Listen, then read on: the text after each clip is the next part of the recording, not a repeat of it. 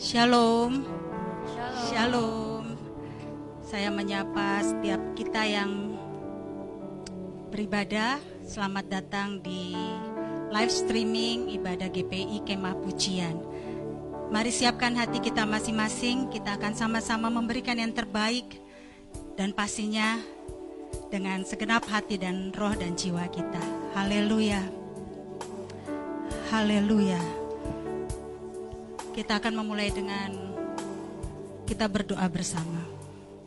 Terima kasih Bapa, kami mengucap syukur untuk hari ini.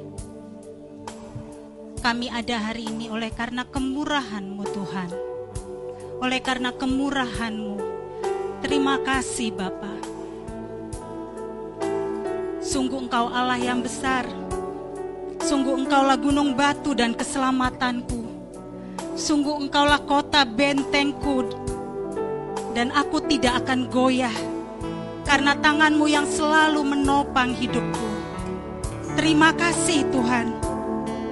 Terima kasih Tuhan. Engkaulah perisai kami, kekuatan kami tidak berubah dulu, sekarang, dan sampai selama-lamanya.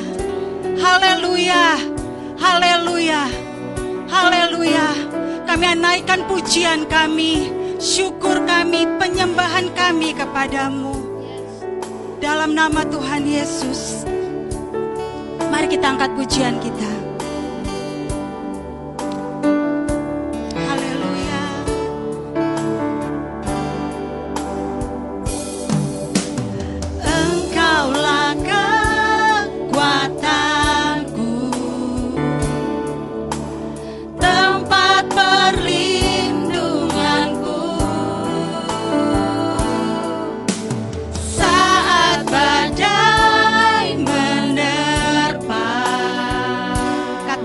Pada dirimu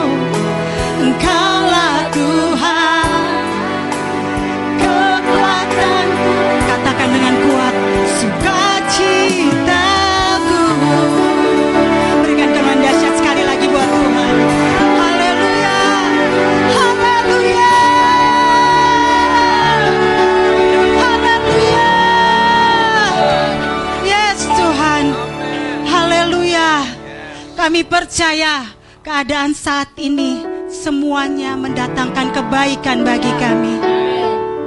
Terima kasih Tuhan. Kemenangan-kemenangan yang akan kami terima membawa kami menjadi dampak bagi semua orang yang di sekeliling kami dan membawa kemuliaan bagi namamu. Terima kasih Bapa. Kami rindu untuk memberikan pujian lebih lagi, lebih dahsyat lagi buat semua hormat, kemuliaan dan pujian hanya bagi namamu Yesus kami. Yang rindu memuliakan Tuhan lebih lagi, sorakan haleluya. Yes. Saudara boleh duduk kembali. Puji Tuhan. Haleluya. Dia Allah El Shaddai. Amin. Allah yang berkuasa. Allah yang mulia. Sumber kehidupan kita. Yes. Pujian ini pujian lama, sederhana. Tapi kata-katanya sangat berkuasa untuk memberi kita kekuatan dan pengharapan. Haleluya. Yo. Tak usah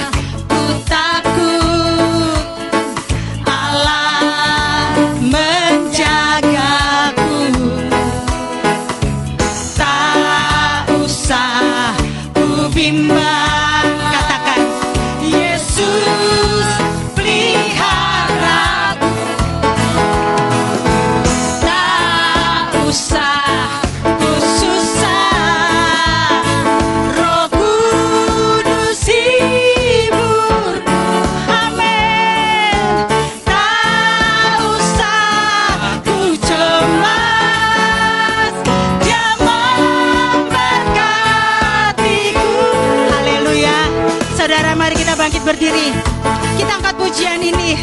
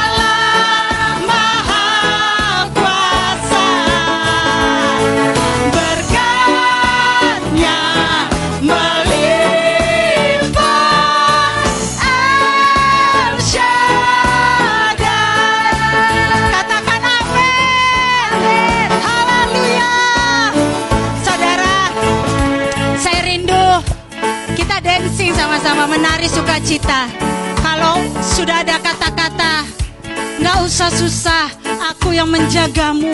Gak usah takut, aku yang akan memeliharamu. Mari kita nyanyi tarian-tarian kemenangan. Amin. Amin. Walaupun perang belum usai, walaupun semuanya belum terjawabkan, kita sudah menang karena iman dan harapan kita. Haleluya. Jadi tariannya itu seperti tarian poco-poco. El Shaddai, El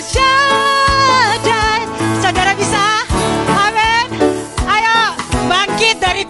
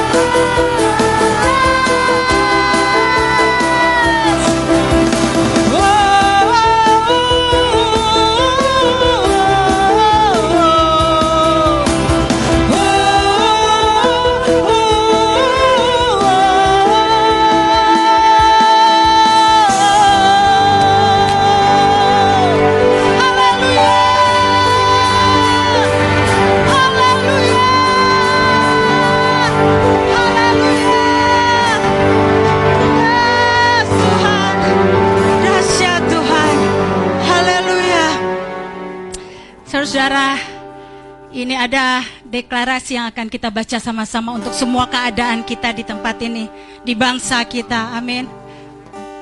Untuk keadaan apa pun yang ada di sekitarmu, di keluargamu.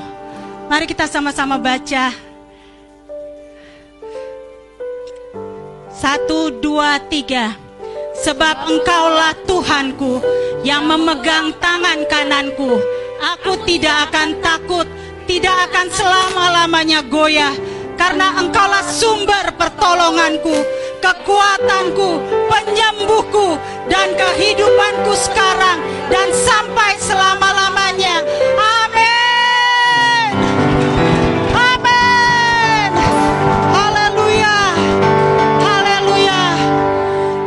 Dalam hadirat Tuhan, saudara boleh duduk kembali. Engkaulah sumber pertolongan kami, Tuhan. Engkaulah sumber kekuatan. Engkaulah sumber segala kehidupan kami. Apa yang mendatangkan kebaikan, itu yang akan kami jalani bersama-sama Engkau, Tuhan. Bersama-sama Engkau. Haleluya. Haleluya. Kami menawan segala pikiran kami. Kami buat tidak berdaya di bawah janji firman Tuhan. Segala kekhawatiran kami tidak ada kekuatan apa pun selain kuasa kebenaran Tuhan bagi kami. Haleluya. Terima kasih Tuhan. Haleluya. Mari kita angkat pujian ini.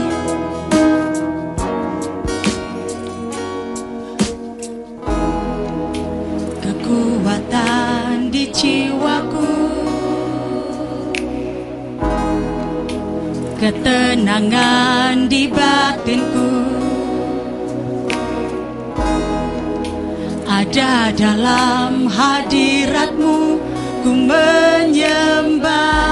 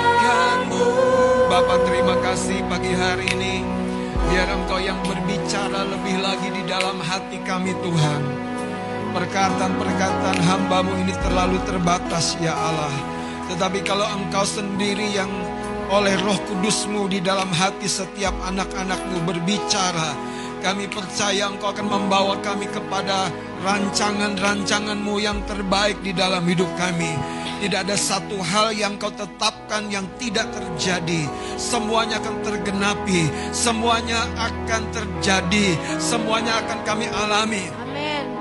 Sebab engkau mampu dan mau Tuhan melakukannya di dalam kehidupan setiap kami anak-anakmu. Kamilah biji matamu, kamilah umat pilihanmu, kamilah bejana-bejana yang kau Tuhan utus di muka bumi ini. Supaya kami mengalami kemurahan dan kasih sayangmu yang ajaib itu di dalam nama Yesus Kristus. Kami siap menerima firman-Mu. Haleluya. Sama-sama kita katakan amin. Amin. Beri tepuk tangan bagi Tuhan Yesus. Silakan duduk Bapak Saudara. Kita bersyukur untuk minggu pertama di bulan Juli ini. Dan kita masih melanjutkan dari tema firman Tuhan pada minggu yang lalu. Tetapi tentu ada sesuatu yang lebih dalam lagi yang Tuhan mau ajarkan kepada kita. Saudara hidup kita bukan sekedar ada dan lewat begitu saja di kehidupan ini tanpa meninggalkan sebuah legacy, sebuah warisan, sebuah inspirasi, sebuah kisah yang dicatat bukan untuk sebuah kesia-siaan, kehinaan, tetapi untuk kemuliaan bagi nama Tuhan. Sama-sama katakan amin. Itu sebabnya jemaat yang dikasih oleh Tuhan, engkau yang di rumah, mari perhatikan hidupmu sekalipun hari-hari ini ada dalam sebuah keterbatasan. Tetapi imanmu akan tetap tumbuh, imanmu akan tetap merambat, imanmu akan tetap membawa engkau maju, imanmu tidak akan membuat engkau terhenti. Sebab hidup ini selalu adalah berbicara tentang pencapaian. Yesus punya sebuah tujuan yang jelas. Dia datang ke muka bumi ini untuk menggenapkan apa yang Bapaknya telah rencanakan. Itu sebabnya sekian kali kita temukan di dalam Alkitab. Dia berkata, biarlah terjadi seperti yang Bapa kehendaki, yang Bapa rencanakan. Bahkan di dalam sebuah doanya yang paling begitu eh, rupa di dalam Alkitab dicatat ketika dia ada di Getsemani. Dia berjuang antara kehendaknya dengan kehendak Bapaknya. Tetapi dia berkata, jangan kehendakku melainkan kehendakmu yang terjadi. Saudara ini bukan perkataan yang yang yang biasa. Ini perkataan yang dikeluarkan dari seorang yang betul-betul mengetahui apa kehendak Tuhan buat hidupnya. Kadang-kadang ada orang-orang Kristen yang dengan gampangnya menyampaikan biar kehendakku yang terjadi. Kalau ditanya balik kehendak yang mana, mungkin kita akan mulai berpikir ulang. Iya ya, yang mana? Yesus ketika dia menyampaikan kata-kata itu, dia tahu antara meminum cawan murka Allah, naik di kayu salib, menyerahkan roh, jiwa, dan tubuhnya, atau secara daging dia memilih saudara tidak ada di sana. Itu sebabnya saya mau sampaikan dari permulaannya. Yang paling utama saudara adalah ketika engkau dan saya menangkap rencana Tuhan bagi kehidupanmu dan kau mulai belajar mentaatinya waktu lepas waktu, langkah demi langkah. Pengetahuan saja tidak cukup. Tapi engkau butuh satu sikap hidup. Mau dan rindu menyenangkan Tuhan, mengasihi Tuhan. Itu yang memampukan kita taat. Taat berat saudara. Tapi kalau kita melakukannya karena kasih, karena cinta, kita akan selalu punya kekuatan yang bukan di luar, tetapi di dalam diri kita. Instrumen roh jiwa tubuh kita tuh berkata, "Ya, aku setuju. Ya, aku mau." Sekalipun Saudara. Konsekuensinya tidak mudah. Itu sebabnya mari kita akan belajar jadi gereja, jadi anak-anak Tuhan yang mencapai apa yang Tuhan dan Bapa kita rencanakan dalam kehidupan ini. Haleluya. Mari saudara kita lihat kembali Yosua pasal yang ke-13 ayat yang pertama.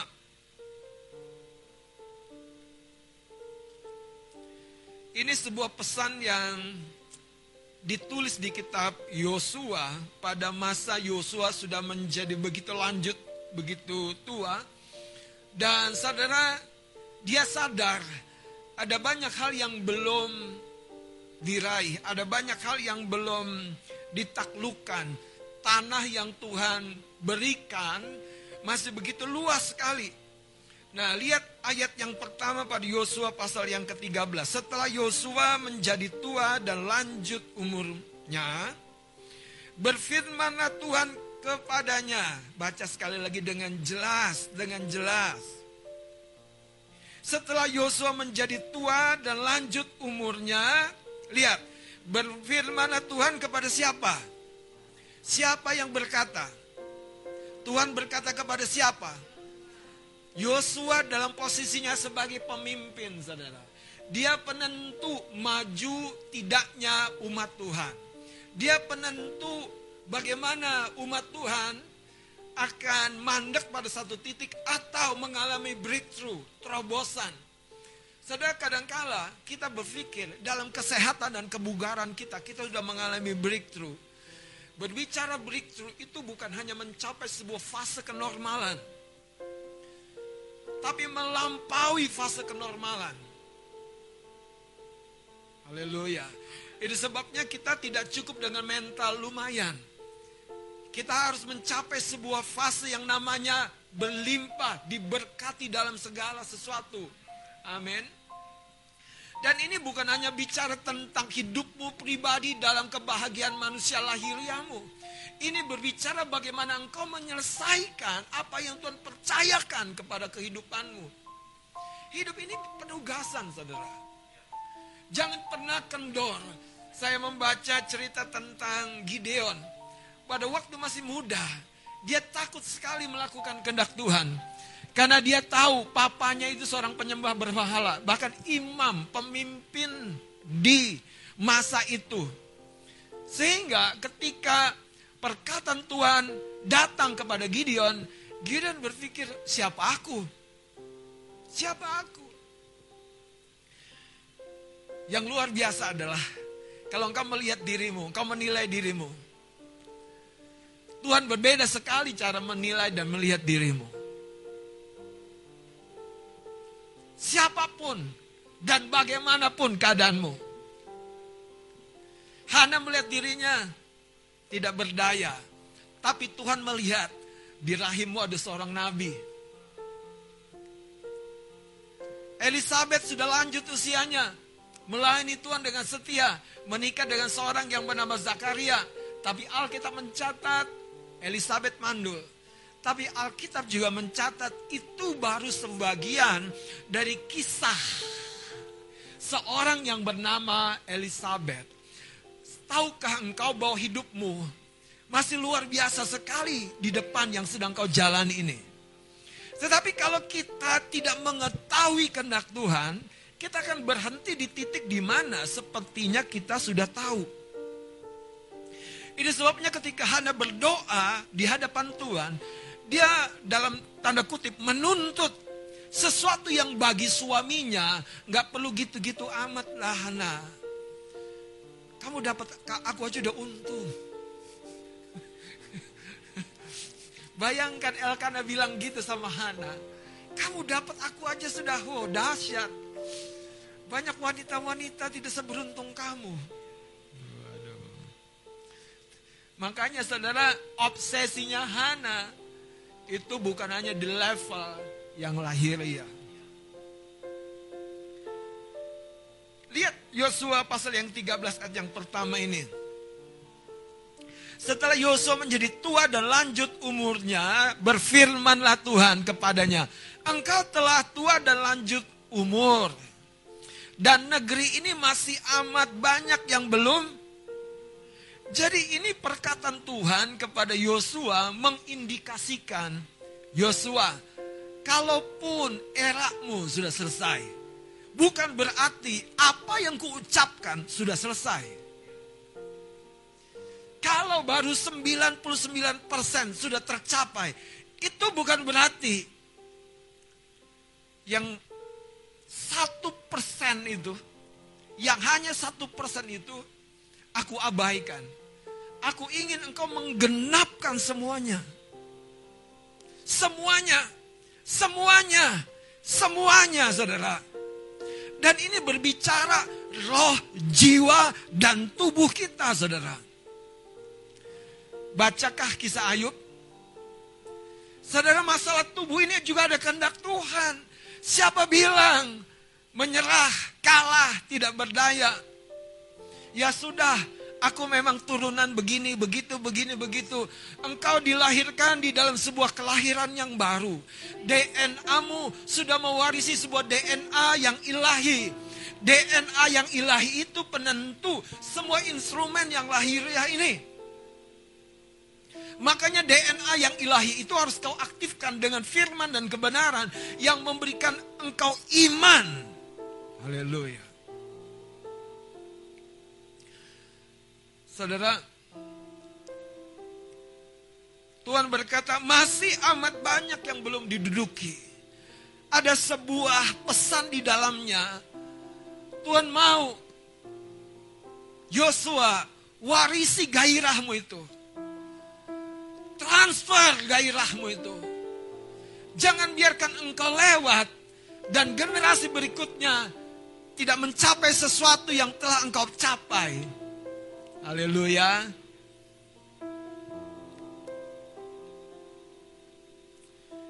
Dalam sekian waktu hidup saya, saudara, saya hidup itu tanpa obsesi, tanpa mimpi, tanpa sebuah cita-cita.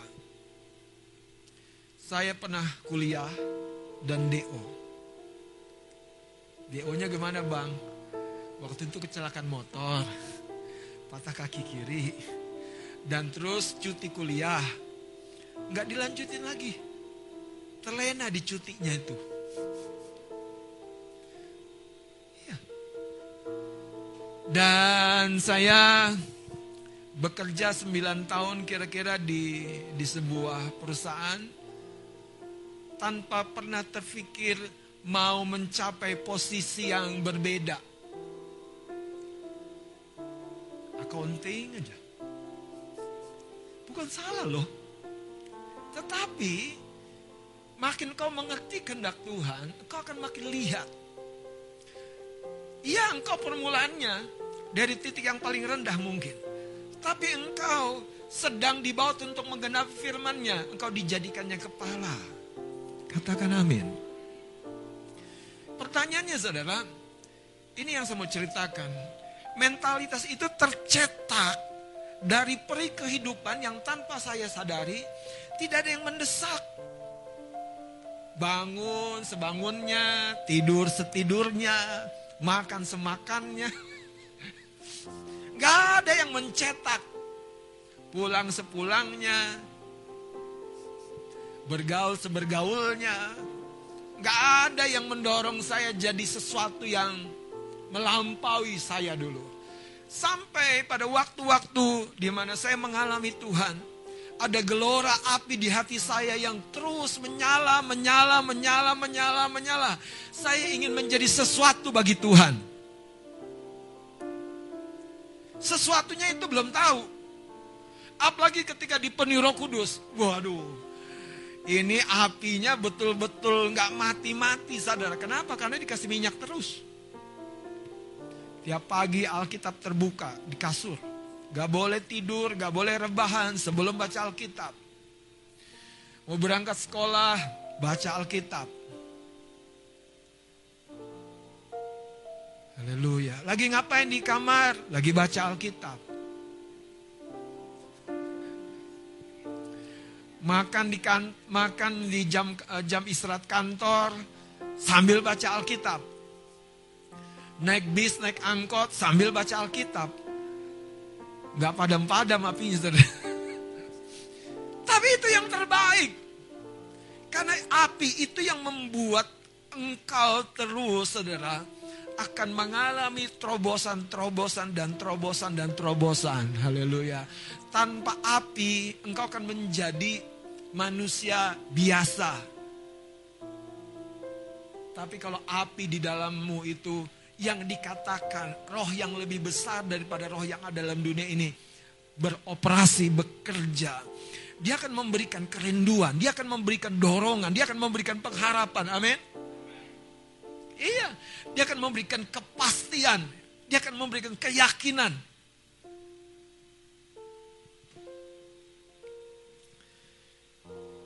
Ini yang penting, saudara. Ini yang penting. Itu sebabnya saya percaya engkau dan saya ada di muka bumi ini. Sekali lagi, bukan sekedar ada, hadir, lewat, dan mencapai usiamu matang, menikah, punya anak, menikahkan, punya cucu, lewat. Engkau dan saya pewaris-pewaris kerajaan Allah. Artinya apa? Yang diwariskan Tuhan itu Tuhan ingin supaya kita raih. Kita raih, kita capai. Kita raih, kita capai.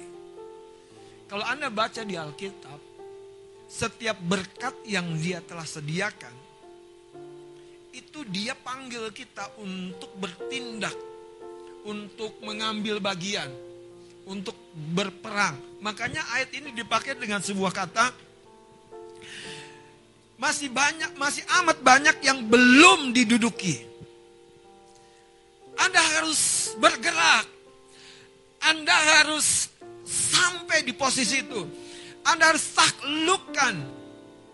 Amin. Haleluya.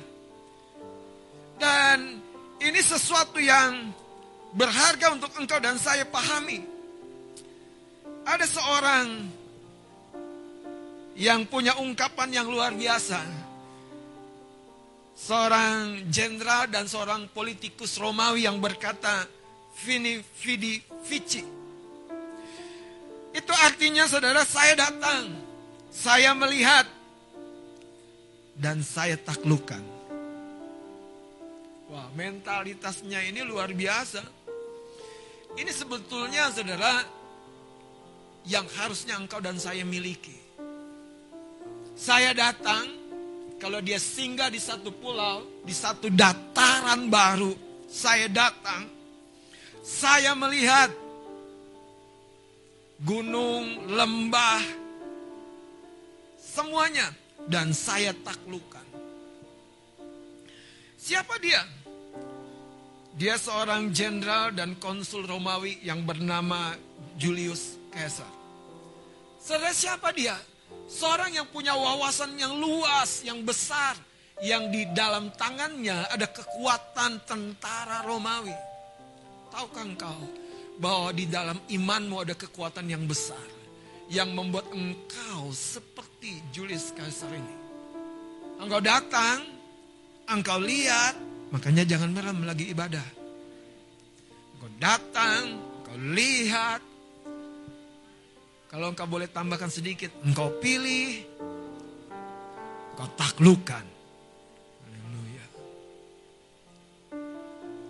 Anda tahu nggak sih? bahwa yang menarik adalah tanah yang Tuhan wariskan kepada umatnya itu bukan tanah dataran kosong, bukan pegunungan tidak ada berpenghuni, tapi ada suku-suku penduduk aslinya di sana. Dan Tuhan berkata, pergi, berperang, taklukkan. Berapa banyak saudara, di dalam batin kita ada sebuah gelora. Tuhan, aku nggak boleh begini terus di usiaku ini. Gak boleh.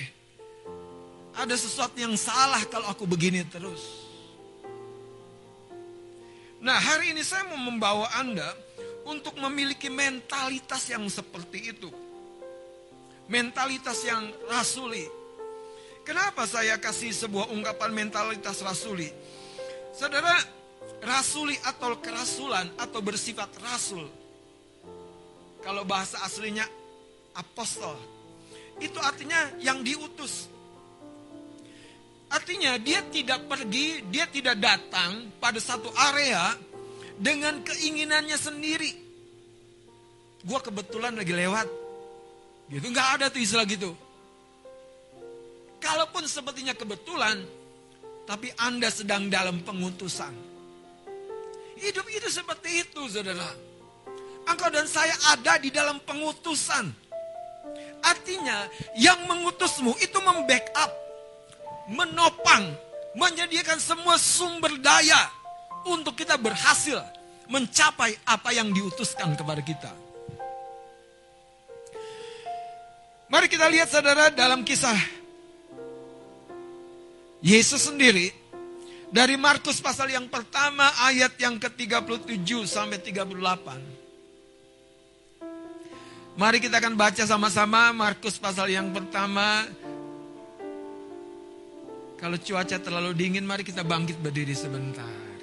Haleluya, gerakan kakimu, gerakan tanganmu. Makin aktif engkau, makin lancar perdarahan darahmu. Makin terbuka ini, apa namanya, kunci-kuncinya di sini, tombol-tombolnya. Ya, Markus 1 ayat 37 38 kita baca 2 3 dengan suara keras. Waktu menemukan dia, mereka berkata, Jawabnya, marilah kita pergi ke tempat lain, ke kota-kota yang berdekatan, supaya di sana juga aku, karena untuk itu aku telah datang. Sekali lagi, waktu menemukan dia, mereka berkata, semua orang mencari engkau. Jawabnya, marilah kita pergi ke tempat lain, ke kota-kota yang berdekatan, supaya di sana juga aku memberitakan Injil karena untuk itu aku telah datang. Silakan duduk kekasih-kekasih Tuhan. Jemaat yang dikasih oleh Tuhan, Yesus datang di muka bumi sebagai sebuah contoh bahwa hidup ini bukan menyelesaikan apa yang kita mau, apa yang kita bisa. Ungkapan-ungkapan semampu yang kita bisa itu ungkapan yang manusiawi. Tuhan akan memampukanmu. Menyelesaikan yang dia rencanakan.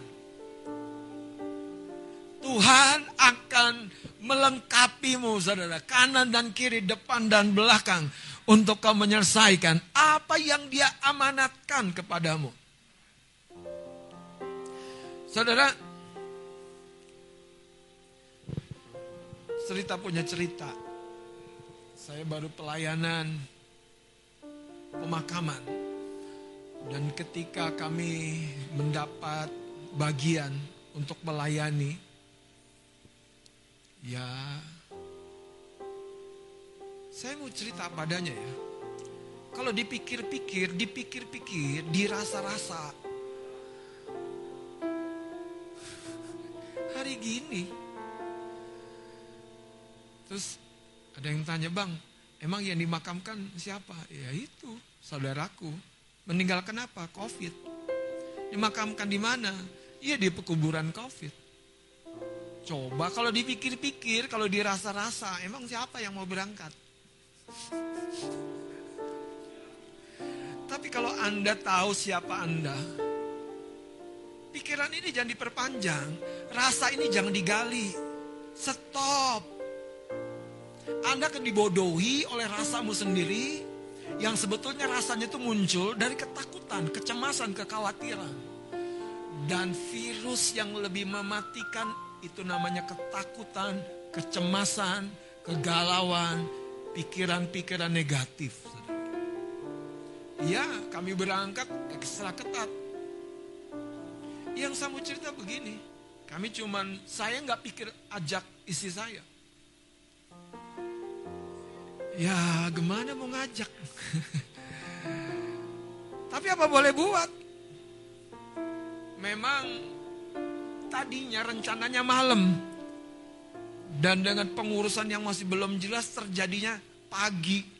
Belum jelas siang. Belum jelas lagi akhirnya betul-betul siang jam 1. Sampai di sana ambulan petugas di lapangannya jam istirahat. Kami nunggu bersama dengan deretan ambulan yang sudah siap menurunkan peti-peti indah berisi pribadi-pribadi yang sukses. Dan ada seorang foto saya dengan background salib-salib segar. Salib-salib baru tanah-tanah yang baru ditimbun. Ada orang tanya kapan itu? Ya masih dalam beberapa hari ini. Yang ajaib adalah waktu saya dapat tugas ini ada seorang teman saya berkata, Pak Robert, saya akan ikut. Dan dia ikut bukan sendirian, sama teman uh, anak buahnya juga. Tadinya sendiri, ada teman istri. Eh ada teman lagi, Pak Pendeta. Yang menarik, dia bilang begini, kami bawa gitar. Waduh. Jadi makin lengkap saudara ibadahnya. Jadi kalau ada sebuah istilah melangkah di antara nisan, nah itu dia. Sekalipun nisannya belum jadi, masih palang-palang segar saudara.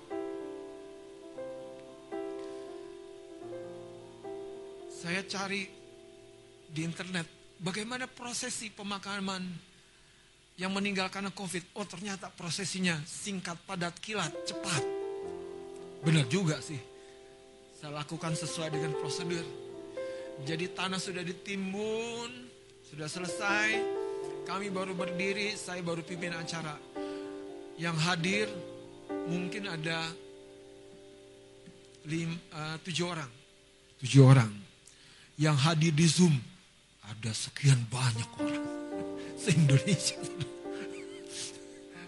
Saya bilang, haleluya. Yang menarik saudara, jas hitam saya yang saya biasa pakai tugas nggak kelihatan. Apa boleh buat? Saya pakai jas saya yang keren. yang nggak biasanya saya pakai ke acara seperti itu, saudara. Yang kalau orang lihat Pak Pendeta mau ke resepsi di mana? Kadang ada mengkilat-mengkilatnya gitu saudara jas saya. Waduh. Saudara harus ciptakan suasana yang beda. Waktu ambulan datang, saya udah berdiri, saya udah siap. Mereka bilang, Pak tunggu petugas lapangan yang akan menurunkan peti itu jamnya istirahat. Mereka duduk-duduk, ya udah, nunggu lagi saudara. Tapi saya bersyukur saudara, sampai di sana Tuhan tuh lengkapi saudara. Akhirnya ada yang bagian main musik, main gitar. Nggak ada masa adil di sana. Memang nggak diajak mas, tenang.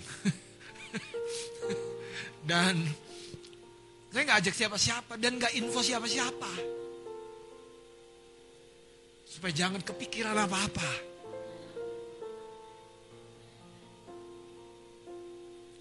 Jadi ada yang bagian pegang handphone saya, ngezoomin. Dalam hati saya Tuhan tahu aja yang lagi terbatas ini. Beneran saudara.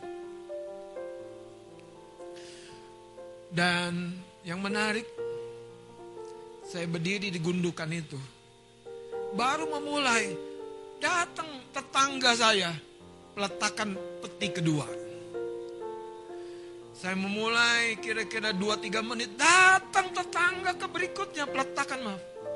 Peletakan peti. berikutnya. Belum lama lagi, mohon permisi pak, panggul diletakkan lagi. Ada yang petinya indah, ada yang petinya sederhana. Tapi memang protokolnya udah lebih bagus, sudah dibungkus, di wrapping rapi. Sekalipun tetap saudara harus jaga-jaga. Yang saya bersyukur memang entah bagaimana ya.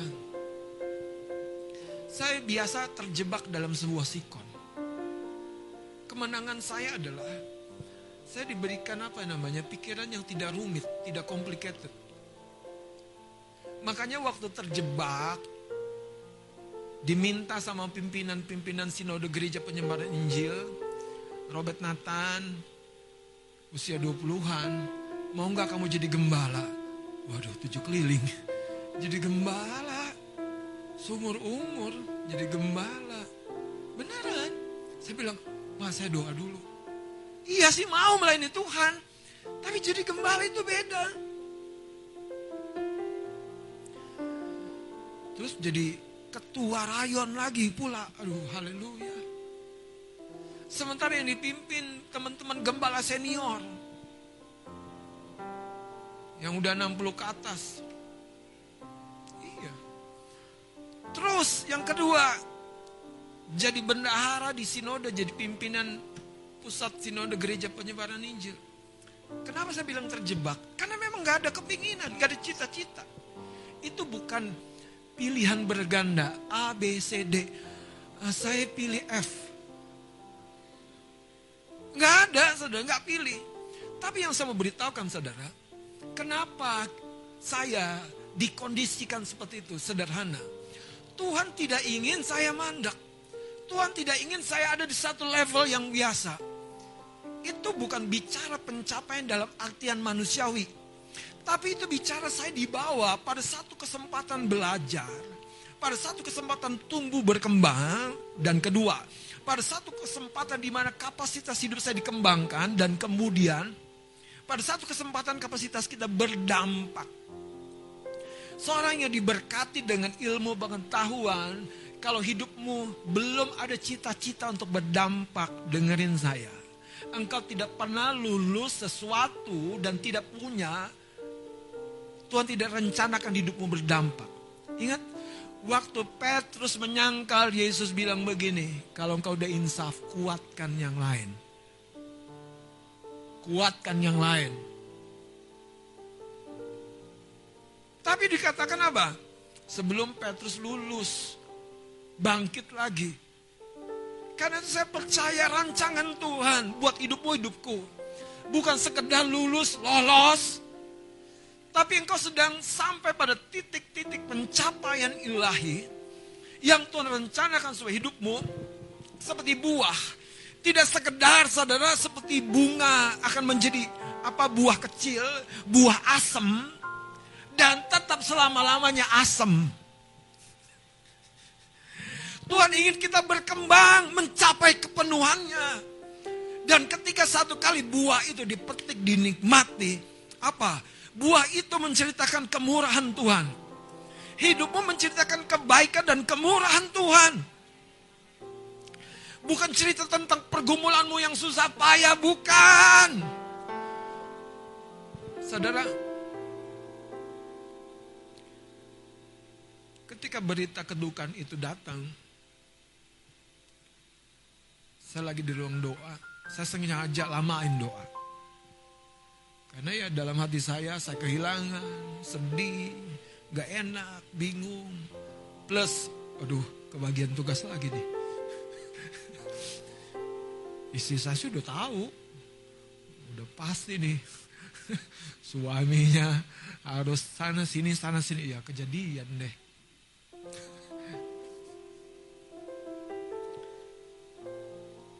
Saudara, kalau engkau tahu engkau siapa, engkau dapat menenangkan dirimu. Om, lewat dulu om, jembatan itu kami belum tahu rapuh atau enggak. Om kan pemimpin duluan om.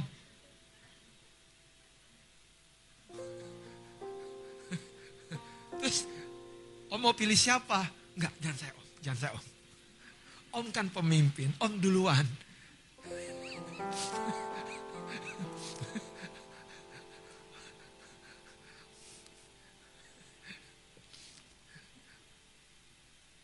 Ya itulah saya saudara. Anugerah saya itu apa ya namanya ikhlas, rela. Itu anugerah. Anugerah banget. Anugerah. Di pelonco ya puji Tuhan. Tapi yang saya mau ceritakan semua itu saudara gini. Itu baru babak awal. Tuhan ingin di fase sekarang saya berlari dengan pengertian, mengejar dengan pengertian, mencapai dengan pengertian, bukan sekedar dikondisikan Tuhan. Apa yang saya maksud? Mari lihat saudara ceritanya dalam Lukas pasal yang kedua, ayat yang ke-21. Pada fase kekristanmu, pada fase kehidupanmu, ada fase, ada masa di mana engkau seperti digiring, dikondisikan. Tapi dengar, ada waktunya engkau harus bergerak dengan pengertian itu. Jangan mau dihambat, jangan mau dihentikan.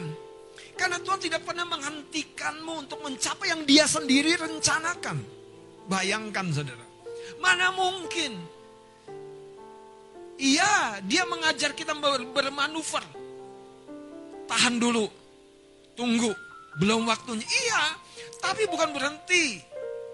Bukan mandak saudara. Lihat Lukas pasal yang kedua ayat 21. Yesus disunat dan diserahkan kepada Tuhan, Simeon dan Hana. Dan ketika genap delapan hari dan ia harus disunatkan, ia diberi nama Yesus, yaitu nama yang disebut oleh malaikat sebelum ia dikandung ibunya. Dan ketika genap waktu pentahiran, jadi lihat saudara, ada sebuah tahapan-tahapan. Menurut hukum Taurat, mereka membawa dia ke Yerusalem untuk menyerahkannya kepada Tuhan. Seperti ada tertulis dalam hukum Tuhan, semua anak laki-laki sulung harus dikuduskan bagi Allah.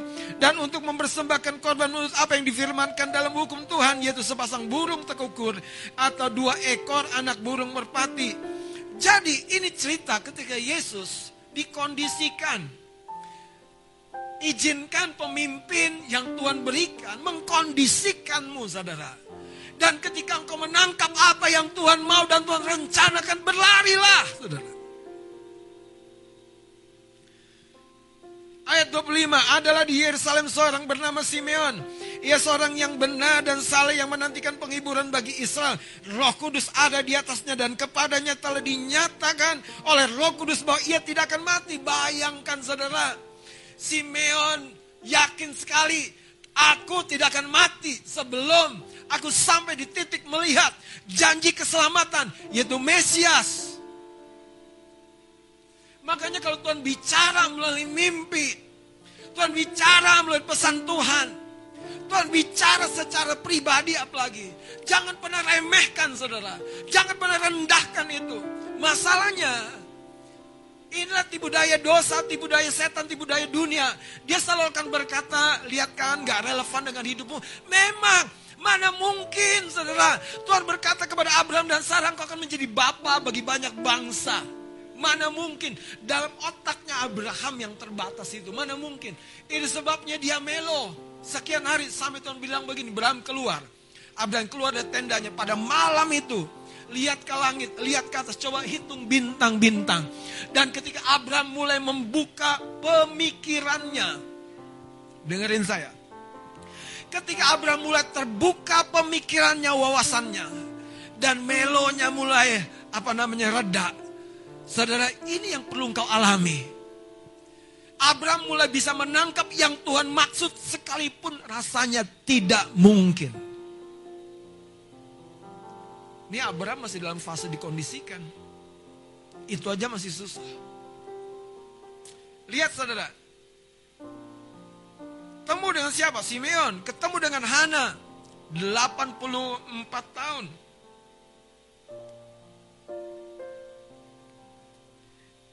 Lihat ayat 36. Ayat 37. Dan sekarang ia janda dan berumur 84 tahun. Ia tidak pernah meninggalkan bait Allah dan siang malam beribadah dengan berpuasa dan berdoa. Wow, 84 tahun. Tidak pernah absen.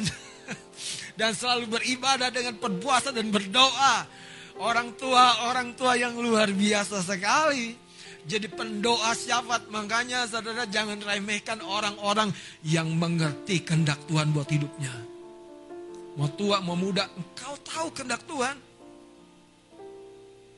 Jangan biarkan dirimu absen. Hana nggak biarkan dirinya absen. Kenapa? Karena ada sesuatu akan terjadi. Sesuatu akan terjadi. Sesuatu akan terjadi. Sesuatu akan terjadi. Nah sekarang lihat saudara. Matius pasal yang ketiga. Menarik sekali. Dalam Matius pasal yang ketiga ayat yang ke-13 Yesus sekarang, dia bergerak dalam pengetahuannya akan kehendak Tuhan. Kalau engkau tahu engkau harus beli rumah, beli rumah bukan berdasarkan sekedar kebutuhan.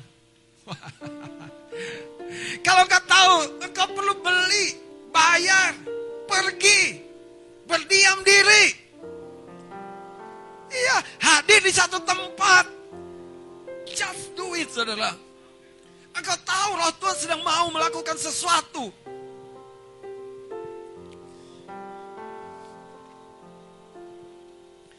Lihat saudara. Maka datanglah Yesus ayat 13, Matius 3 ayat 13. Maka datanglah Yesus dari Galilea ke Yordan kepada Yohanes untuk apa? Dibaptis. Siapa yang datang? Yesus. Apakah dia diundang? Tidak. Yesus mengambil sebuah langkah inisiatif. Nah kalau engkau punya mentalitas yang seperti ini. Mengambil langkah berinisiatif. Engkau tidak perlu lihat sikon seperti Nehemia berinisiatif berpuasa. Seperti Yesus mengambil langkah berinisiatif, saudara. Saya lanjutkan. Ayat 14, tetapi Yohanes mencegah dia, katanya, akulah yang perlu dibaptis olehmu dan engkau yang datang kepadaku. Kepadaku, ayat 15, ini dia statementnya. Lalu Yesus menjawab katanya kepadanya, biarlah hal itu terjadi. Jadi siapa yang mencapai kehendak Tuhan? Kita, Yesus. Kalau kehendak Tuhan buat hidupmu. Banyak orang ya, masalah sukses, masalah berhasil aja. Masih ragu, apakah kehendak Tuhan aku sukses berhasil. Jadi kalau engkau hari ini belum sukses, belum berhasil. Ada sesuatu yang sedang merongrong di sisi lain. Yang menahan langkah-langkahmu. Makanya Yesus berkata, biarlah hal itu terjadi karena demikianlah sepatutnya kita apa? Menggenapkan kehendak Allah. Yesus sedang menyampaikan sebuah pesan, ada kehendak Allah yang kita harus genapi. Haleluya. Ini sebabnya kita harus datang, kita harus hidup, kita harus bangun pagi, kita harus bekerja sebagai seorang yang diutus. Kita bukan sekedar kerja sebagai seorang karyawan, tetapi ada sesuatu akan terjadi. Ada sesuatu akan terjadi. Kita percaya hidup kita setiap hari akan membawa kemuliaan bagi nama Tuhan. Haleluya. Tuhan merencanakan engkau hidup diberkati, sukses dan berdampak.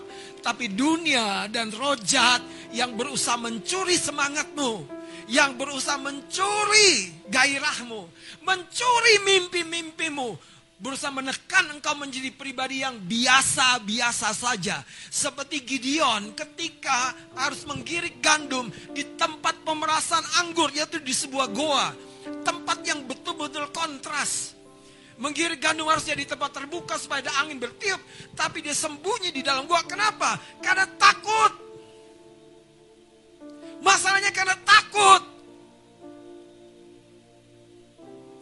Kekasih-kekasih Tuhan, kalau engkau hari ini mengalami ketakutan pada bidang-bidang tertentu, bangkitlah, sadarlah, ada sesuatu yang perlu engkau lakukan untuk berkemenangan. Haleluya, haleluya, haleluya. Contoh yang kedua, mari kita lihat 2 Samuel pasal 5. 2 Samuel Saudara, jadilah pribadi yang sadar, aku ini diutus. Sekecil apa pun, seperti Daud yang kemerah-merah, aku ini diutus. Makanya ketika dia menghadapi pergulatan dengan singa dan beruang, aku ini seorang yang dipercayakan, diutus. 2 Samuel 5 ayat 4 dan 5, ayat 4 dan 5, 2 Samuel 5 ayat 4 dan 5. Daud berumur 30 tahun. Saya mau membawa Anda kepada sesuatu yang lebih presisi. Usia itu berharga. Jangan remehkan usia. Itu menjadi sebuah ukuran-ukuran pencapaian Tuhan melalui hidupmu. Itu menjadi ukuran-ukuran pencapaian Tuhan melalui hidupmu. Tuhan ingin mencapai sesuatu melalui hidupmu. Masalahnya kalau kita menahan diri, kita membiarkan terbelenggu, kita membiarkan diri kehilangan semangat, kehilangan api doamu. Kita nggak akan berdaya, kita akan nggak mampu, saudara. Lihat ini cerita yang bagus, saudara. Sederhana sekali. Daud berumur 30 tahun pada waktu ia menjadi apa? Menjadi raja. Menjadi raja nggak tanggung-tanggung.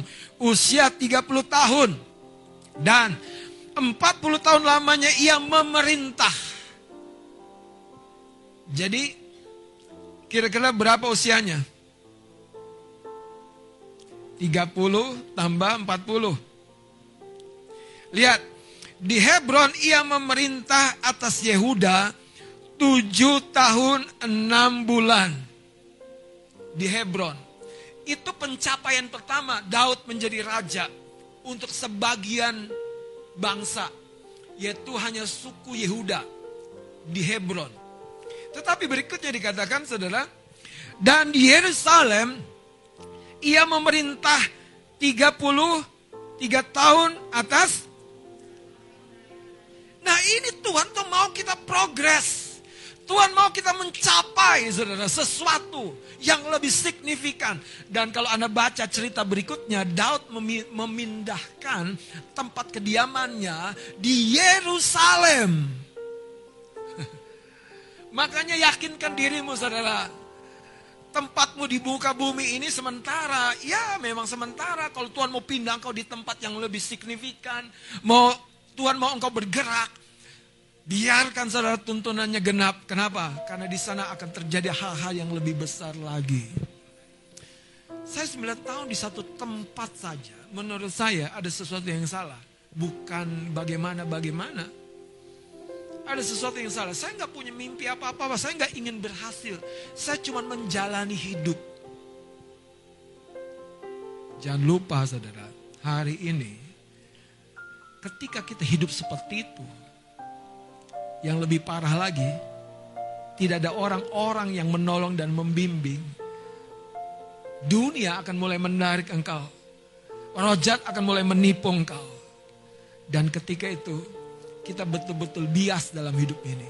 Tahu saudara, kalau bias, iya kan, kita maunya ke timur, tapi udah melenceng.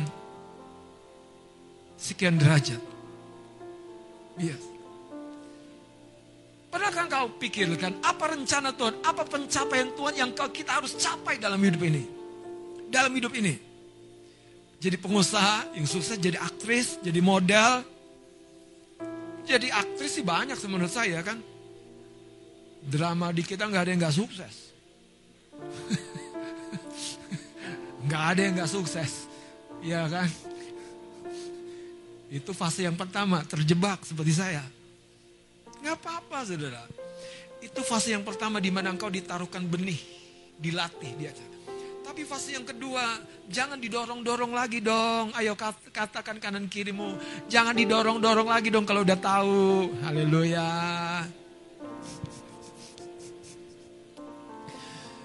Yesus tuh tidak didorong-dorong lagi. Yesus orang tuanya bilang gini, baptis sana, baptis, baptis sana.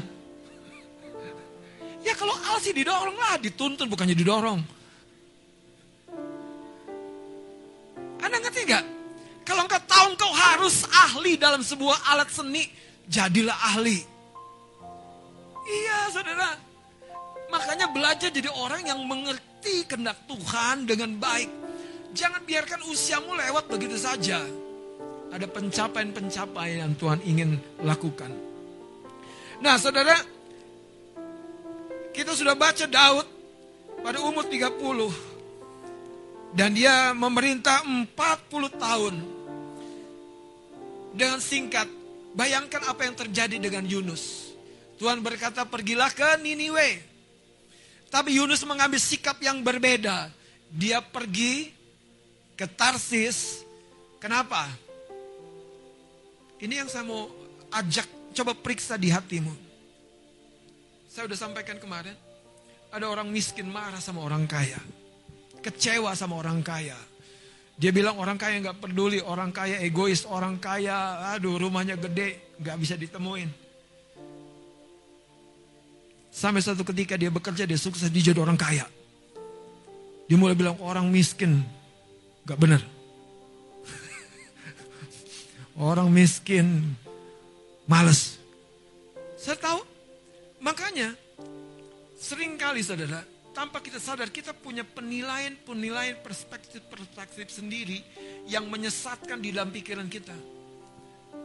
Aku ya udah gini-gini aja udah cukup. Tuhan yang belum disenangkan, Tuhan yang belum merasa cukup dengan hidupmu.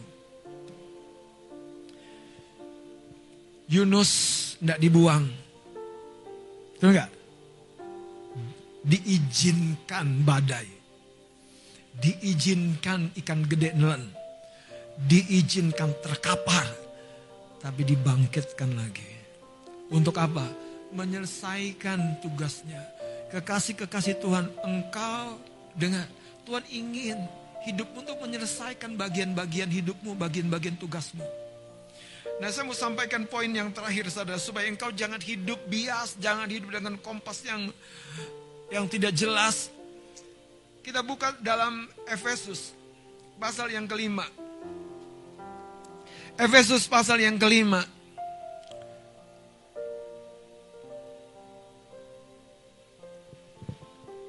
ayat yang ke-15. Karena itu perhatikanlah dengan saksama bagaimana kamu hidup. Janganlah kamu seperti orang bebal tetapi seperti orang arif. Dan pergunakanlah waktu yang ada. Lihat, pergunakan waktu yang ada. Pergunakan waktu yang ada. Nabi Samuel saja ketika dia kecewa ketika raja pertama yang dilantik itu gagal. Dia sedih. Dia galau, dia melo kelamaan sampai Tuhan intervensi waktunya. Dia bilang, berapa lama lagi? Berapa lama lagi? Saudara, apa yang membuat kita tidak on the track? Itu sebetulnya sesuatu yang di jiwa kita nih. Ketakutan, kegalauan, kekecewaan, kesedihan. Gak ada semangat, gak ada dorongan. Udah di rumah aja lah, nggak. Pokoknya semua yang membuat engkau mengurung diri dan tidak menjadi apa-apa mengurung diri mending berdoa. Melihat langit-langit. Dan merenungkan. Mau ke mana ya hidupku? Sarjana udah selesai sih Tuhan. Mau ke mana hidupku? Nanyanya jangan langit-langit. Makanya saya mau bilang begini Bapak Ibu, kekasih-kekasih Tuhan. Luangkan waktu sama pemimpin-pemimpin. Lihat ayat ini berkata, kalau engkau tidak tahu kehendak Tuhan, ignoranmu itu, kebodohanmu itu. Dan kata ignoran itu ignore. Itu kenapa? Kita menolak pengertian dari Tuhan. Kita mengabaikan hikmat yang Tuhan berikan. Lihat saudara, Jangan seperti orang babal tetapi seperti orang arif dan pergunakanlah waktu yang ada karena hari-hari ini adalah jahat ayat 17-nya. Sebab itu janganlah kamu bodoh tetapi usahakan supaya kamu mengerti kehendak Tuhan.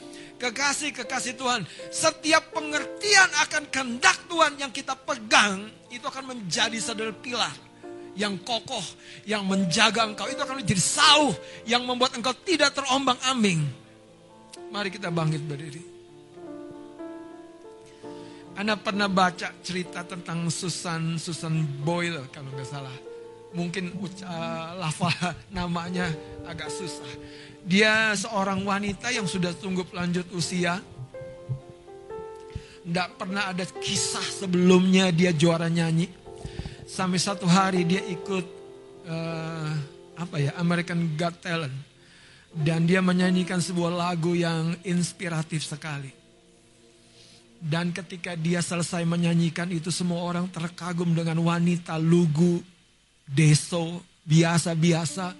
Tapi sejak itu saudara namanya mengisi di berbagai-bagai platform lagu. Saya mau beritahu saudara. Yang tahu siapa engkau itu Tuhan perancang dan pencipta hidupmu. Masalahnya ketika engkau tidak mengalami sebuah pemikirannya yang dinyatakan kepadamu, engkau akan mulai menghidupi semuanya dari keterbatasanmu. Hari ini saudara poinnya sederhana. Nilai dirimu, sadari dirimu. Aku lagi stuck atau lagi mana atau lagi apa saudara. Jangan seperti Yunus sudah dibanting kanan, dibanting kiri. Dilempar pula ke laut. Puji Tuhan, gak di dalam perut ikan lagi. Eh puji Tuhan, belum selesai. Sampai engkau pergi ke Niniwe. Itu destiny hidupmu. Selesaikan bagian hidupmu. Saudara, yang menarik dari seorang Ayub. Dibanting oleh penyakit, dibanting oleh kedukaan, dibanting oleh ditinggal oleh teman. Tapi dia tahu, hidupku akan dua kali lipat diberkati. Mari ketahuilah hidupmu di depan ada sebuah kehidupan yang dahsyat dan luar biasa. Kita angkat sebuah lagu. Kalau ku hidup, ku hidup bagimu. Haleluya. Kalau ku hidup, ku hidup bagimu. Ku tetap, tetap menyembahmu.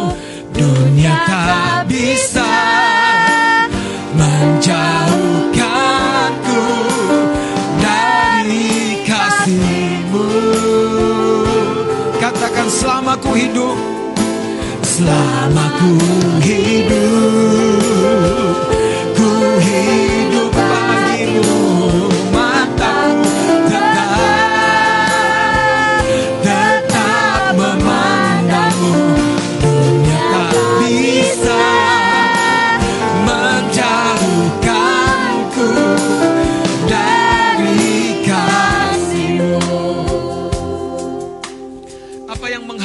langkah-langkah hidup kita, saudara? Seringkali itu bukan yang di luar. Tapi suatu cetakan yang di dalam mentalitas kita. Ketakutan, kekhawatiran yang berlebih-lebihan. Merasa tidak mampu, kekurangan, tidak punya ini, tidak punya itu. Saudara, Tuhan tidak bertanya apakah kau mampu. Tapi dia bertanya apakah engkau bersedia. Seorang murid yang sejati akan selalu berkata, whatever Lord, whatever, whatever. Dia tidak akan bilang begini, aku lagi nggak bisa, aku lagi capek. Tapi kalau Tuhan berkata berangkat pergi, dia akan berkata, ya guru, ya Tuhan. Kenapa? Yang kau andalkan itu saudara sebetulnya sudah ada, yaitu rohnya di dalam batinmu. Tetapi penentang-penentangmu, penghambat-penghambatmu juga ada di dalam. Yaitu manusia lama, cetakan-cetakan lama. Gideon berkata, siapa aku? Engkau berkata, aku pahlawan yang gagah perkasa. Siapa aku? Hari ini, saudara jangan biarkan nubuat-nubuat yang sudah disampaikan berhenti di udara. Saya berdoa itu akan menjadi kenyataan tentang hidupmu. Jangan biarkan mimpi-mimpi rohani yang sudah Tuhan sampaikan berhenti pada sebuah cerita. Biarkan menjadi kenyataan. Haleluya. Katakan Yesus kebenaran. Yesus kau kebenaran yang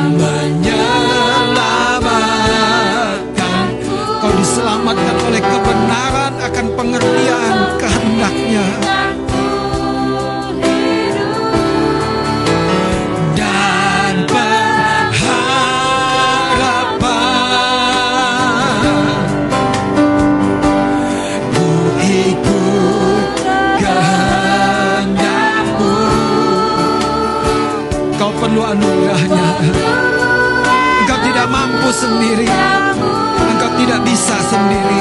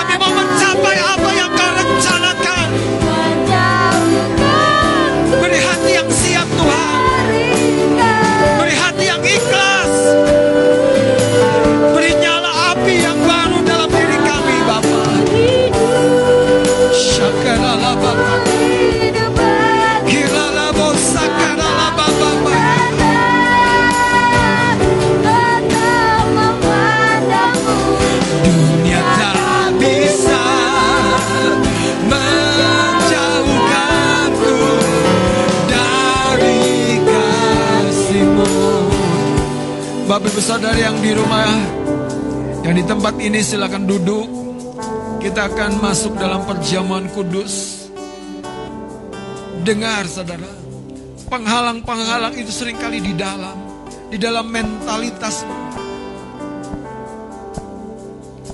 Sebaliknya, penolongmu juga di dalam batinmu. Yaitu firman Allah. Rohnya, kebenarannya, janjinya. Mari kita berdoa. Bapak Ibu yang di rumah siapkan tubuh dan darah Kristus di tangan kita. Mari kita akan berdoa. Engkau telah menyelesaikan bagianmu sampai semuanya genap, sampai semuanya selesai, sampai semuanya rampung dan kisah hidupmu Tuhan membuat kami ada hari ini. Hambamu berdoa. Basuh kami dari mentalitas tanggung. Basuh dari mentalitas biasa. Basuh kami dari mentalitas mudah menyerah. Berikan kami mentalitas rasuli seperti yang kau berikan kepada rasulmu itu. Hidup dengan sebuah pikiran dan perasaan Kristus tubuh dan darahmu di nampan ini. Kiranya membuat mental kami pulih sembuh. Rohmu Tuhan yang akan menaruhkan dorongan-dorongan yang baru. Hidup kami menjadi berbeda. Di dalam nama Yesus Kristus. Silakan bagikan.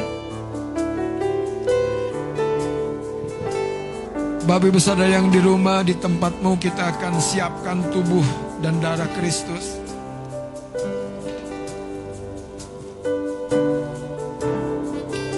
Saya percaya ada sesuatu yang berbicara di hatimu pagi hari ini.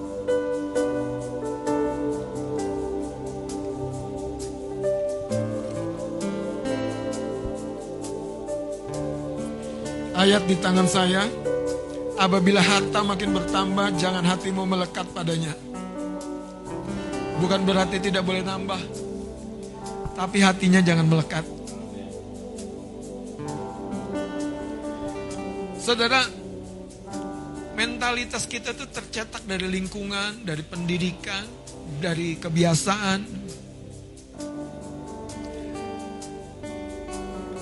Dari trauma-trauma. Dan biasanya penyumbang terbesar itu trauma. Trauma itu peristiwa yang memberikan sebuah kesan yang meninggalkan sebuah kesan yang dalam. Itu trauma. Trauma bisa bersifat negatif bahkan positif. Tahukah apa yang membuat Rasul Paulus jadi seperti dia, jadi rasul? Karena sebuah peristiwa di mana dia menjadi buta dan kemudian sekian waktu dia mengalami pemulihan, kesembuhan dan dia sadar kasih Tuhan yang besar. Sampai satu titik dia berkata,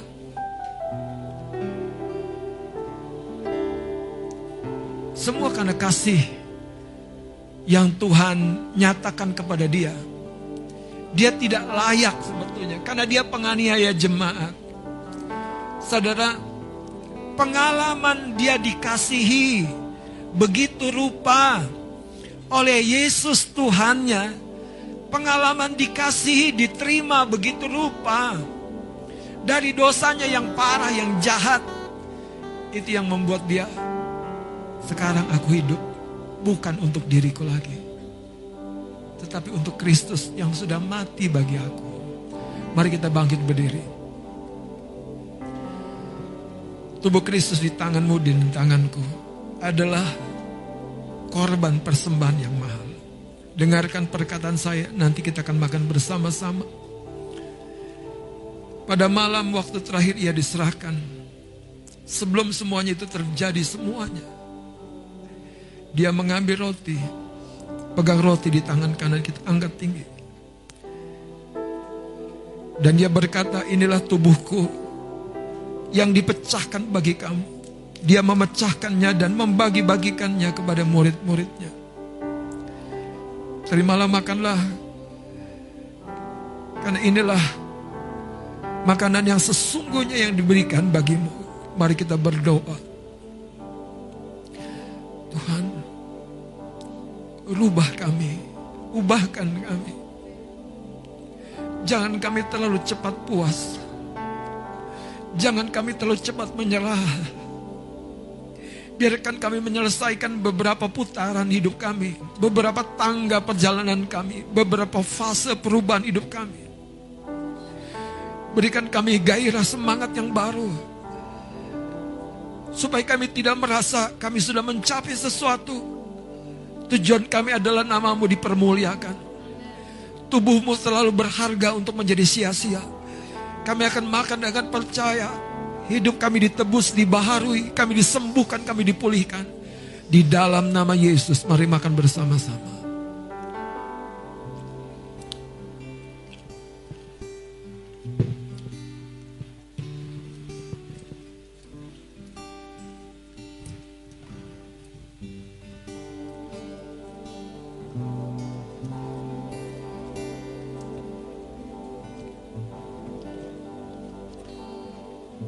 Mengapa Yesus mengambil sebuah keputusan besar bagi dirinya? Jangan kendakku melahirkan kendakmu yang jadi. Dia tahu dia ada di muka bumi dalam kendak Bapaknya. Itu sebabnya dalam Markus pasal yang pertama yang kita baca tadi. Ada banyak orang mencari dia. Tapi dia memutuskan berbeda. Mari kita pergi ke kota-kota lain Mari angkat cawan di tangan kanan kita. Sesudah makan, lalu ia mengangkat cawan dan berkata, ini adalah cawan perjanjian baru yang dimateraikan oleh darahku. Ada perjanjian Tuhan dalam hidupmu. Janji yang dimateraikan, disahkan, dijadikan valid, tidak terbantahkan oleh darah. Engkau menerima janji yang semahal itu. Bapak terima kasih untuk darahmu. Untuk cawan yang kau minum sendiri Yesus Tuhan. Kami mengucap syukur untuk darahmu. Sembuhkan, pulihkan roh, jiwa, pikiran, perasaan kami dan tubuh kami. Jadikan kami seorang penyelesai mandatmu di dalam nama Yesus Kristus. Mari minum bersama dalam nama Yesus.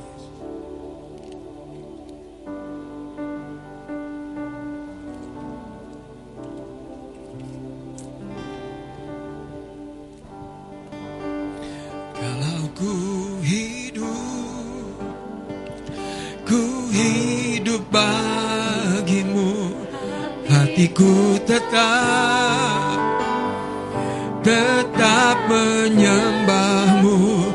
Dunia tak bisa menjauhkanku. Dari kasihmu. Mari kita bertobat dari hidup yang biasa-biasa.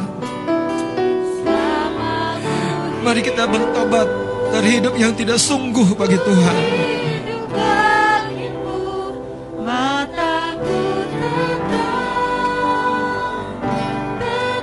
Mari kita bertobat dari hidup yang tidak mau mengejar. Mari kita bertobat dari hidup yang terlena.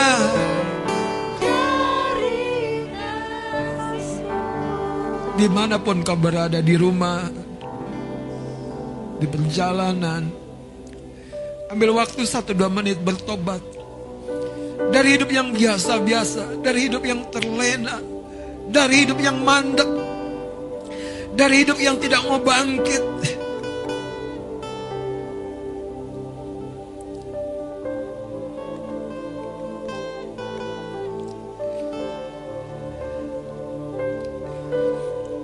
Mengapa Yesus mengasihi Petrus begitu rupa? Ya Petrus gagal parah. Ya Petrus gagal dan sombong. Tapi pribadi yang satu ini ketika dia diterima, dia lantas balik dan dia menyerahkan dia recommitment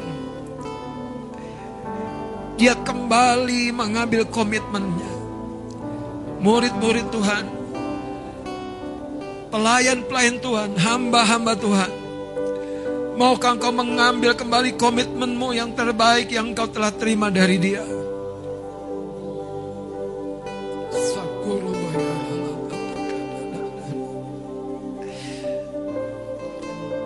Kinama sakarala batakara kuroboshikada. Kinamo sakarala badiare katakarala bababayara.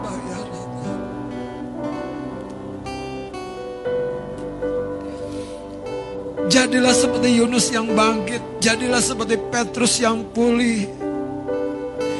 Shekarala bababayara. Jadilah seperti Saulus yang menjadi Paulus. Aku bukan yang dulu lagi. Aku bukan yang dulu lagi.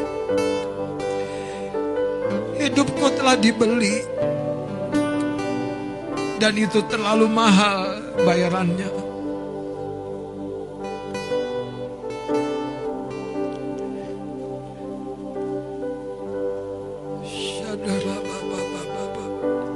Mari di mana pun kau berada angkat kedua belah tanganmu.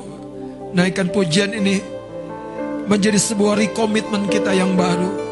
Kasihi Tuhan dalam waktu yang terbatas ini. Katakan kalau aku hidup. Ku hidup,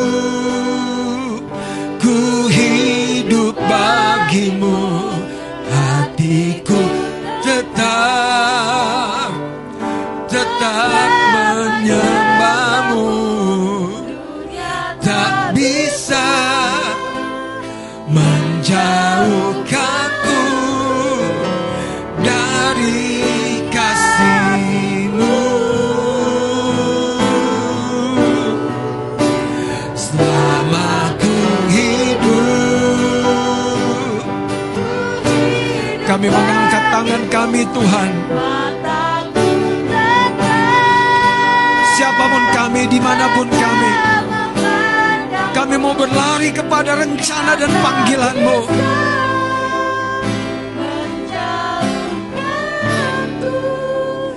Dari kasih Mari kita berdoa Tuhan. Biar dalam keteduhan hadiratmu ini Taruhkan batu-batu yang kuat menjadi dasar kehidupan kami Engkau ingin kami mencapai banyak hal untuk kemuliaan namamu. Engkau ingin kami bergerak Tuhan. Engkau ingin kami tidak terlena. Engkau ingin kami tidak ragu-ragu dalam melangkah. Engkau ingin kami menyerah. Sebab bukan dengan kegagah dan kekuatan kami, tapi oleh kemurahan dan anugerah. Pagi hari ini di mana pun umatmu Tuhan, Berikan hati seperti anak domba Allah yang menyerah. Ketika cawan murka Allah terlalu panas. Ketika kayu asalib terlalu hina. Namun dia bersedia. Hari ini mampukan kami mengejar dan berlari. Mencapai lebih indah, lebih besar, lebih hebat lagi. Yang engkau rencanakan. Kami jadi pribadi yang berubah, bertumbuh, maju.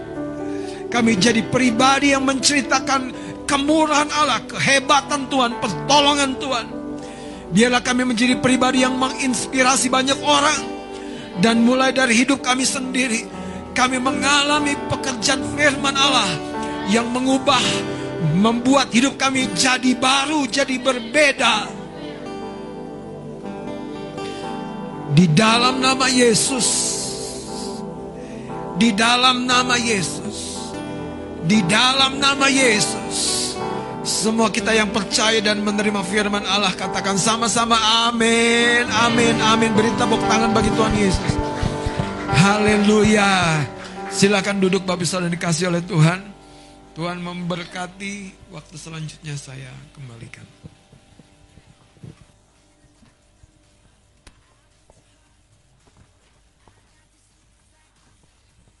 Haleluya. Puji Tuhan.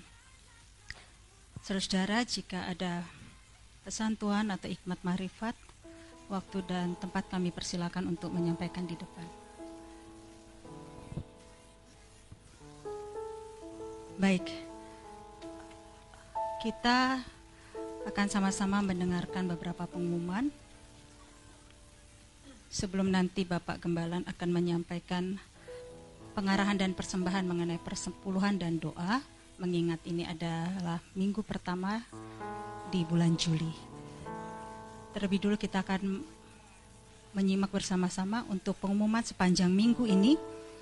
Hari Rabu tanggal 7 Juli ada pertemuan pemimpin kelompok kecil jam 7 malam online via Zoom. Nanti akan dihubungi atau diinfokan lebih lanjut lagi dari pihak sekretariat.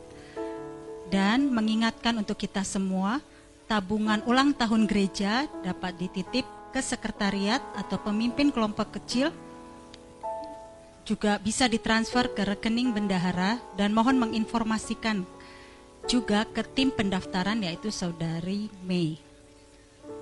Dan akan ada informasi dan arahan tim doa ulang tahun gereja oleh saudari Boima. Waktu dan tempat kami persilakan.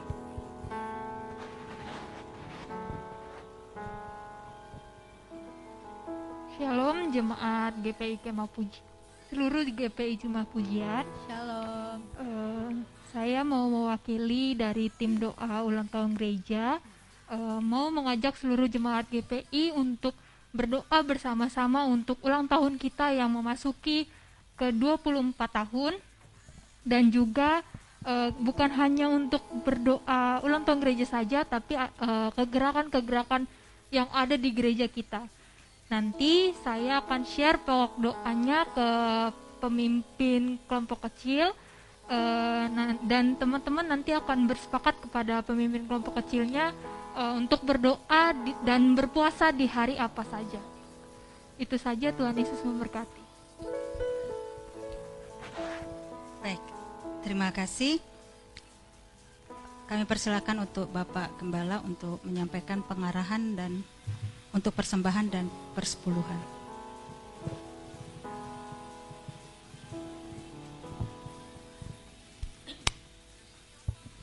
Secara singkat saya akan sampaikan satu ayat dari malaikat 3 ayat yang ke-12. Tuhan ingin kita berbahagia. Malaikat 3 ayat 12 ini dikatakan, kalau di ayat 10-nya kan dikatakan, bawalah seluruh persembahan persepuluhanmu. Tapi ayat 12, maka segala bangsa akan menyebut kamu berbahagia. Sebab kamu ini akan menjadi negeri kesukaan firman Tuhan semesta alam. Jadi Tuhan justru melalui persembahan persepuluhan dan ikat janji yang dia buat di dalamnya, Tuhan ingin membawa kita naik dan di hadapan bangsa-bangsa, umat Tuhan dalam konteks ini Israel, dan kita sebagai Israel rohani, akan dilihat, akan diketahui oleh bangsa-bangsa berbahagia. Berbahagia. Artinya apa? kita tidak mengalami sebuah kekurangan, keadaan yang terhimpit dan lain sebagainya. Bahkan yang menarik, kenapa kita menjadi berbahagia dalam ayat ini katakan sebab kamu ini akan menjadi negeri kesukaan, negeri kesukaan, negeri kesukaan. Jadi kita menjadi sebuah wilayah tempat di mana ada sukacita, kesukaan menyertai kita. Amin. Mari kita berdoa untuk setiap korban persembahan yang kita akan bawa di rumah Tuhan. Kalau Bapak Ibu Saudara membawa korban perpuluhan yang kita sudah siapkan, mari kita pegang dan kita akan berdoa bersama. Bapak Ibu Saudara yang di rumah siapkan dengan baik. Kalau engkau yang sudah melakukannya dengan cara transfer, angkat tanganmu dengan percaya. Bapak kami berdoa.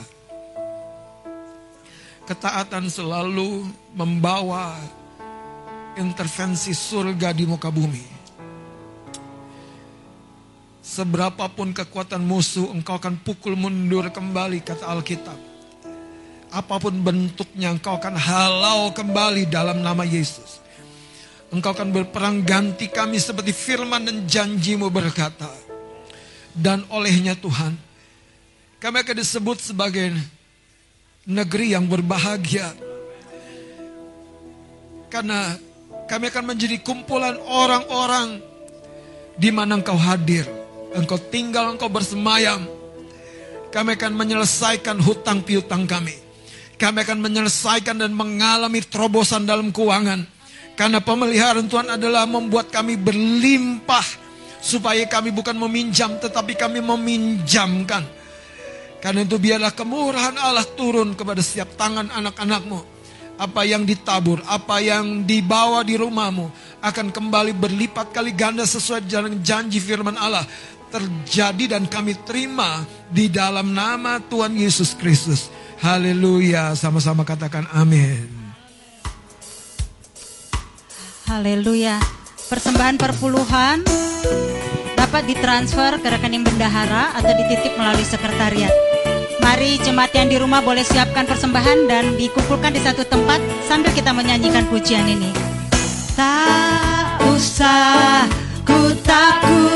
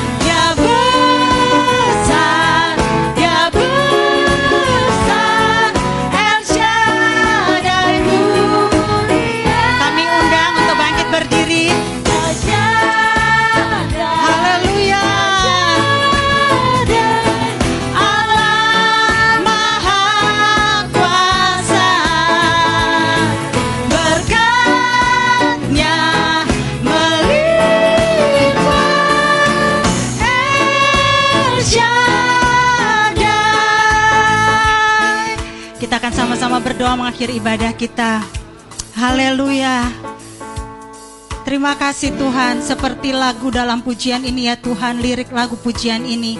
Engkau Allah yang memberikan ketenangan dalam kehidupan kami, keyakinan dalam kehidupan kami. Engkau Allah yang membentengi kami. Engkau Allah yang membentengi keluarga kami, pekerjaan kami. Bahkan Tuhan, Engkau Allah yang meneduhkan segala kekhawatiran dan ketakutan kami. Terima kasih Bapak. Terima kasih Tuhan. Haleluya. Kami berdoa bersama saat ini untuk GPI Kemah Pujian. Ada terobosan baru bagi gedung gereja dan kemajuan yang direncanakan bagi gereja Tuhan. Kami juga berdoa Tuhan untuk pemilik gedung Wakeni, Ibu Rini dan keluarga serta usaha pekerjaan mereka. Ada perlindungan Tuhan yang sempurna, berkat Tuhan yang bergulung-gulung melimpah dalam kehidupan mereka. Kami juga berdoa Tuhan untuk bangsa Indonesia memberkati setiap pemerintahan yang ada biar setiap kebijakan yang dibuat mendatangkan kebaikan bagi bangsa ini untuk setiap proses pemberian vaksin semua berjalan dalam anugerah Tuhan. Ada roh penundukan diri terhadap pemerintah ada roh ketentraman ada roh pengendalian diri di dalam nama Tuhan Yesus. Kami juga berdoa untuk vaksin anak-anak yang sudah berjalan Tuhan. 12 sampai 17 tahun. Tuhan, sekalipun mungkin tindakan ini diambil begitu cepat, tapi kami percaya ada kemurahan Tuhan. Semua akan berjalan aman bagi anak-anak kami dan semua terjadi dalam kemurahan dan keajaiban Tuhan. Ada kuasa kasih, kedaulatan Tuhan yang terjadi bagi pemberian vaksin ini. Anak-anak Indonesia akan sehat, semua akan sehat di dalam nama Tuhan Yesus Kristus dan bangsa kami akan dipulihkan dalam anugerah Tuhan. Haleluya, haleluya. Setiap jemaat yang mengalami permasalahan dalam badai dan badai dalam kehidupan mereka Tuhan yang mengalami sakit penyakit Tuhan akan pulihkan saat ini juga Tuhan akan berikan ketenangan kekuatan iman setiap ibadah ini Tuhan akan mengerjakan satu keajaiban dalam kehidupan mereka terima kasih Tuhan terima kasih Tuhan dengan penuh ucapan syukur dan keyakinan kami katakan amin bagi setiap janji firman Tuhan. Amin bagi setiap janji firman Tuhan. Haleluya. Haleluya. Engkau Allah yang Shaddai, Allah yang berkuasa dan berdaulat bagi kami.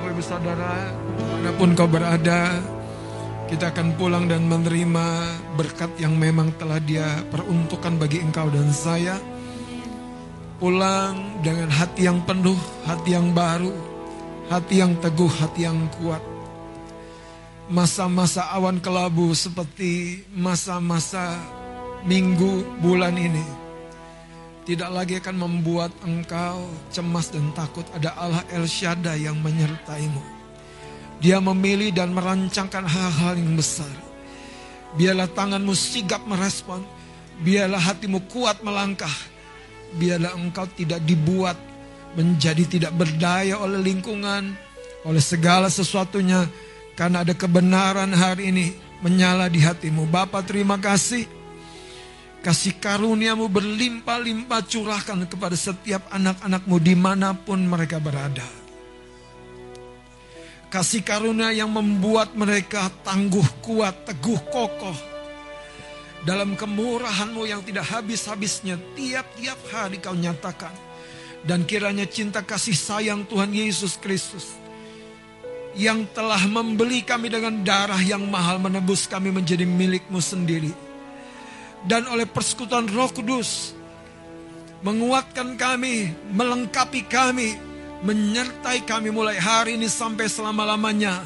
Maranatha Tuhan Yesus datang pada kali yang kedua di dalam nama Yesus Kristus. Dan kita semua yang diberkati dan percaya katakan amin, amin. Tuhan Yesus memberkati. Selamat hari Minggu, Tuhan Yesus memberkati.